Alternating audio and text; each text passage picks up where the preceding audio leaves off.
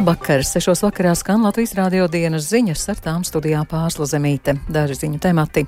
Ukrainā jaunais gads sācies ar Krievijas dronu uzbrukumu. Izrēla izvedīs daļu armijas kontingenta no Gazas joslas, lai atjaunotu spēkus pirms jauniem uzbrukumiem. Rīgas turisma nodevas ieviešanu vērtē kā ļoti veiksmīgu. Ukrainā jaunais gads sācies ar Krievijas dronu uzbrukumu. Uzbrukums noticis gan pagājušajā naktī, gan šodien dienā. Ir ziņas par diviem bojāgājušiem un vairākiem ievainotiem cilvēkiem.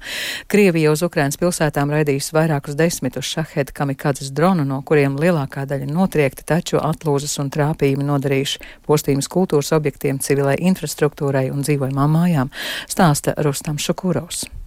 Droni tika notriekti Helsonas, Mikolaivas, Kirovagradas, Dņipropietrivskas un Viņicas apgabalos.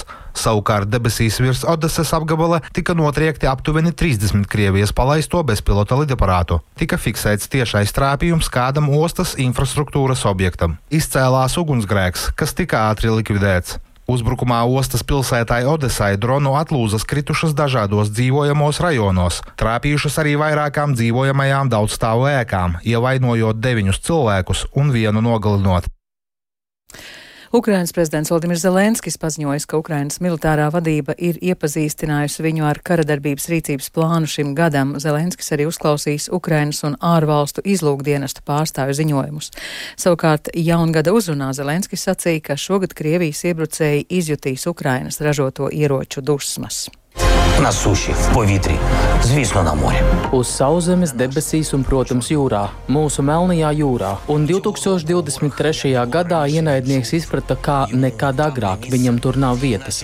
Un mūsu rīcība melnajā jūrā ir kļuvusi par tumšu nodaļu rašistu jūras flotes vēsturē. To var oficiāli apstiprināt viņu lielie desantu kuģi un ar raķetēm bruņotās un patruļu korvetes, kas šobrīd atrodas jūras dzelzmē. Корвети на дні морському. Tā Zelenskis. Atceroties ķīlniekus, kurus palestīniešu teroristiskais grupējums Hamas sagūstīja 7. oktobrī notikušajā uzbrukumā Izrēlē, jaungada priekšvakarā Telavīvā tika izgaismoti debesis skrāpji. Izraels varas iestādes tikmēr paziņojušas, ka negrasās apturēt kaujas darbības gazas joslā līdz pilnīgai grupējuma Hamas iznīcināšanai. Turpina Rustam Šukurovs. Pēc Izraēlas premjerministra Benjamina Netanjahu pagājušās sestdienas paziņojuma par to, ka Telavivas mērķu sasniegšanai karā pret teroristu grupējumu Hamas jaunā gada pirmā diena iezīmējās ar sīvām kaujām Gazas joslas pilsētā Hanjūnisā. Savukārt Hamas kaujinieki īstenojuši masveida raķešu uzbrukumu Izrēlai, kura dēļ valstī tika izsludināta gaisa trauksme. Kataras telekanāls Al Jazeera tikmēr vēsta, ka Izrēlas aizsardzības spēki gatavojas uz laiku atsaukt savus rezervistus no Gazas joslas, lai dotu iespēju kontingentam atjaunot spēkus pirms turpmāko operāciju īstenošanas. Šo informāciju arī dzen apstiprināja Izraēlas armijas preses sekretārs Daniels Hagari. Matotas Kara mērķu sasniegšanai ir nepieciešama ilgtermiņa cīņa, un mēs attiecīgi gatavojamies. Mēs plānojam gudru izvietotā karaspēka, tostarp rezervistu pārvaldību, ņemot vērā ekonomikas un ģimeņu intereses karaspēka vienību pastiprināšanu un militāro apmācību organizēšanu. Mēs turpinām apmācīt virsniekus un komandierus visās Izraēlas aizsardzības spēku vienībās. Iegūstot kaujas pieredzi, viņi atgriežas apmācībā apmācībā un pēc tās iziešanas atkal pievienojas aizsardzības spēkiem. Šajās dienās pielāgojam arī plānoto spēka pielietojumu Gazā. Daudzi rezervisti šonadēļ atgriezīsies pie savām ģimenēm un ikdienas darbiem. Šodien izrēliešu veiktajos triecienos trāpīts Makhasī bēgļu nometnē Gazas joslas centrālajā daļā. Saskaņā ar Hamas kontrolētās Gazas joslas veselības ministrijas paziņojumu, Izraēlas triecienos tika nogalināti vismaz 15 cilvēki.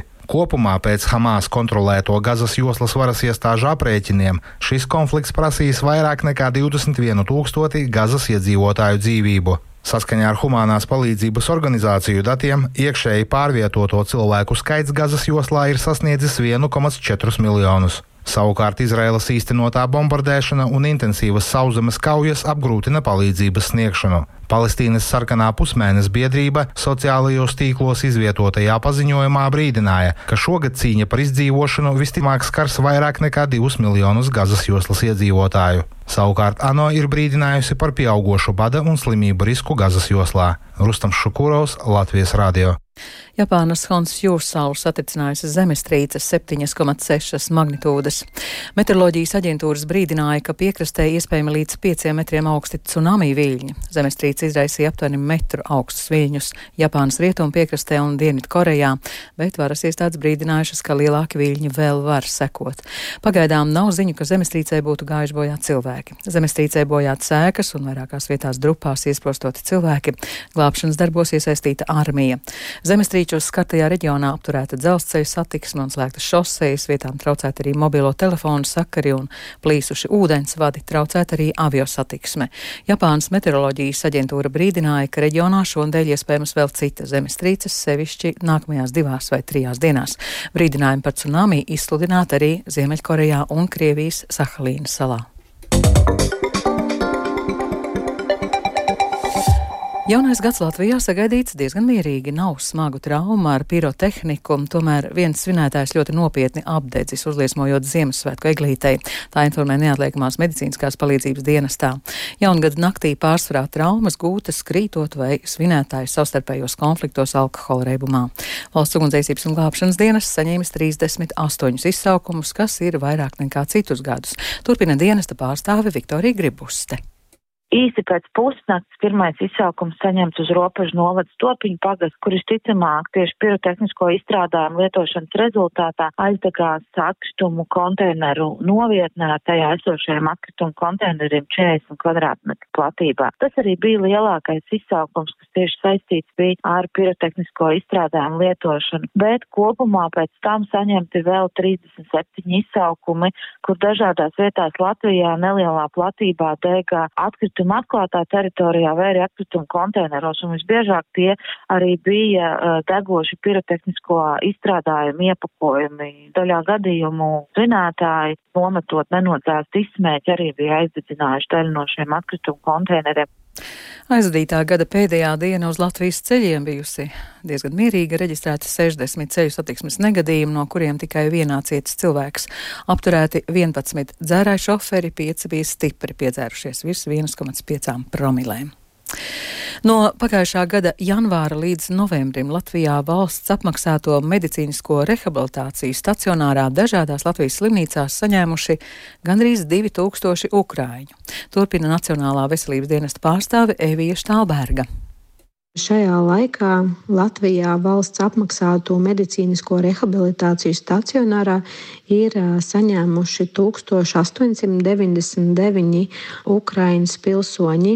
Tā skaitā 235 ir militārās personas. Šiem iedzīvotājiem stacionārā medicīniskā rehabilitācija ir nodrošināta kopumā 36 ārstniecības iestādēs.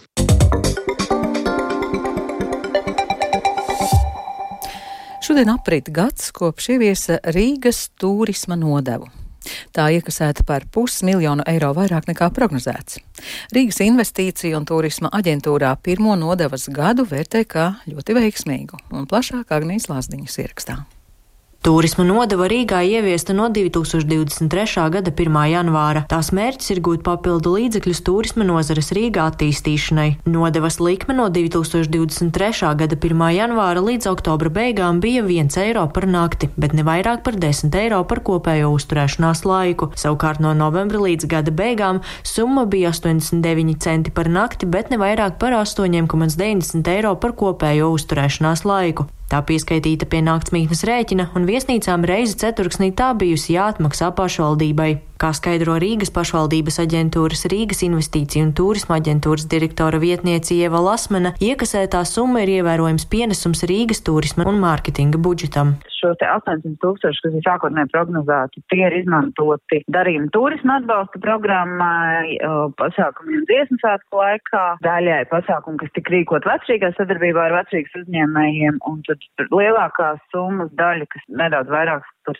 300 tūkstošiem tika izmantot dažādām mārketinga un sabiedrisko attiecību kampaņām. Tāpat 200 tūkstoši eiro plānots tērēt darījuma turisma atbalsta programmai, 300 tūkstoši mārketinga kampaņām sadarbojoties ar avio kompānijām un dažādiem pasaules turisma ceļvežiem, 400 tūkstoši atbalstam lielu starptautisku pasākumu rīkošanai Rīgā un atlikušo daļu mārketingam. Latvijas viesnīcu un restorāna asociācijas prezidents Andris Kalniņš stāsta, ka ieviešot turisma nodevu bijušas daudzas neskaidrības, kas laika gaitā atrisinātas, tāpēc šobrīd nodeva tiek vērtēta pozitīvi. Šo nodevu Eiropā daudzas pilsētas ir ieviesušas, lai cīnītos ar turistu pārplūdumu. Mūsu gadījumā tā gan nav problēma, mēs tieši vēlētos varbūt vēl vairāk turisti, bet, uh, nu, jebkurā gadījumā tie ir aptuveni 1,3 miljoni, un ja tā nauda tiek uh, izmantota tieši turismu infrastruktūras un citām aktivitātēm attīstīšanai, tad tas ir ļoti labi, jo tā nauda ienāk no ārpuses ekonomikā, teiksim, Latvijas, tas savā ziņā tāds tā kā eksports, un ja viņi pareizi izlieto, tad es domāju, tas ir pozitīvi. Arī uzņēmuma Svetbank galvenā ekonomista Latvijā Līva Zorganfrēja uzsver, turisma nodeva ir daudzās valstīs, un ja iegūto naudu pēc tam investē lielākai Rīgas atpazīstamībai un mārketingam, tad tā ir vērtējama pozitīvi. Ja mēs skatāmies uz uh, to, nu, cik liela nozīme tāda vidējā turista tēriņos šādai nodevai ir, nu tad tā ir salīdzinoši maznozīmīga. Ja uh, centrāla statistikas pārvalde uh, rēķina, cik viens turists iztērē parasti dienā Latvijā eiro, un tie šobrīd, nu, teiksim, ņemot vērā to inflāciju, kas ir bijusi pēdējos gados, nu, tie varētu būt ap 60-70 eiro, un tad uh, attiecīgi, ja nodevas apjoms ir, teiksim, šis viens eiro, nu, tad uh, tie ir uh, viens ar pusi apmēram procenti tikai no tās dienas, dienas tēriņiem, kas, es teiktu, ir nu, diezgan nenozīmīgs apjoms. Šogad prognozē, ka Rīgas turisma nodevā iekasēs 1,4 miljonus eiro. Agnija Lazdiņa, Latvijas radio. Kristaps Porziņģis 2023. gada pēdējā Bostonas Celtics mačā Nacionālajā basketbola asociācijā izcēlās ar 14 punktiem un 9 atlēkušajām bumbām, bet viņa pārstāvētā komanda pārliecinoši ar 134 pret 101 pārspēja San Antonio Spurs. Seši Celtics spēlētāji guva 10 vai vairāk punktus katrs, bet Porziņģim labākais plus-mínus rādītājs no visiem spēles dalībniekiem, proti plus 33. Spurs franču brīnumbērns Viktors Vembam Jama šoreiz izcēlās ar 21 punktu un 7 bumbām zem groziem, bet plus-mínus rādītājs - mīnus 23. Šī bija pirmā porziņa un Vembām Jāmas tikšanās laukumā. Abus nereti salīdzina garā auguma, atlētiskuma un daudzpusības dēļ. Vembām Jāma pēc spēles sacīja, ka kopš bērnības seko līdzi porziņa gaitām. I mean, he's, he's experienced and uh, he knows how to use his body, and that's. Uh... Kristaps ir pieredzējis spēlētājs, ļoti labi prot izmantot savu ķermeni. Viņš kā spēlētājs man ļoti interesējis jau gadiem ilgi. Brīnišķīgi, ka beidzot izdevās ar viņu tikties laukumā. Nē, esmu daudz skatījies porziņa spēles, lai analizētu viņa sniegumu, bet viņš man bijis paraugs jau kopš bija mazs puika. Kopš spēlēju NBA man daudz biežāk jātiekas ar līdzīga auguma pretiniekiem. Katru reizi tas ir nedaudz nedaudz citādi. Un vēl Latvijas distanču slēpotāja Patricija Eiduka Turdes skī trešajā posmā šodien izcīnīja 11. vietu 20 km iedzīšanā brīvajā stilā. Uzvarēja, tā, uzvarēja tūres līdere Džesija Diginsa no Amerikas Savienotajām valstīm. Eiduka iecīšanā startēja kā 17. 1 minūti un 22 sekundes pēc Diginsas. Eiduka sacensību laikā turējās grupā otrajā desmitā vidū, bet pēdējos kilometros uzlaboja savas pozīcijas, izraujot 11. vietu un finišējot priekšā pārējām sekotājām. Latvijas sportiste Diginsai zaudēja 1 minūti un 56 sekundes.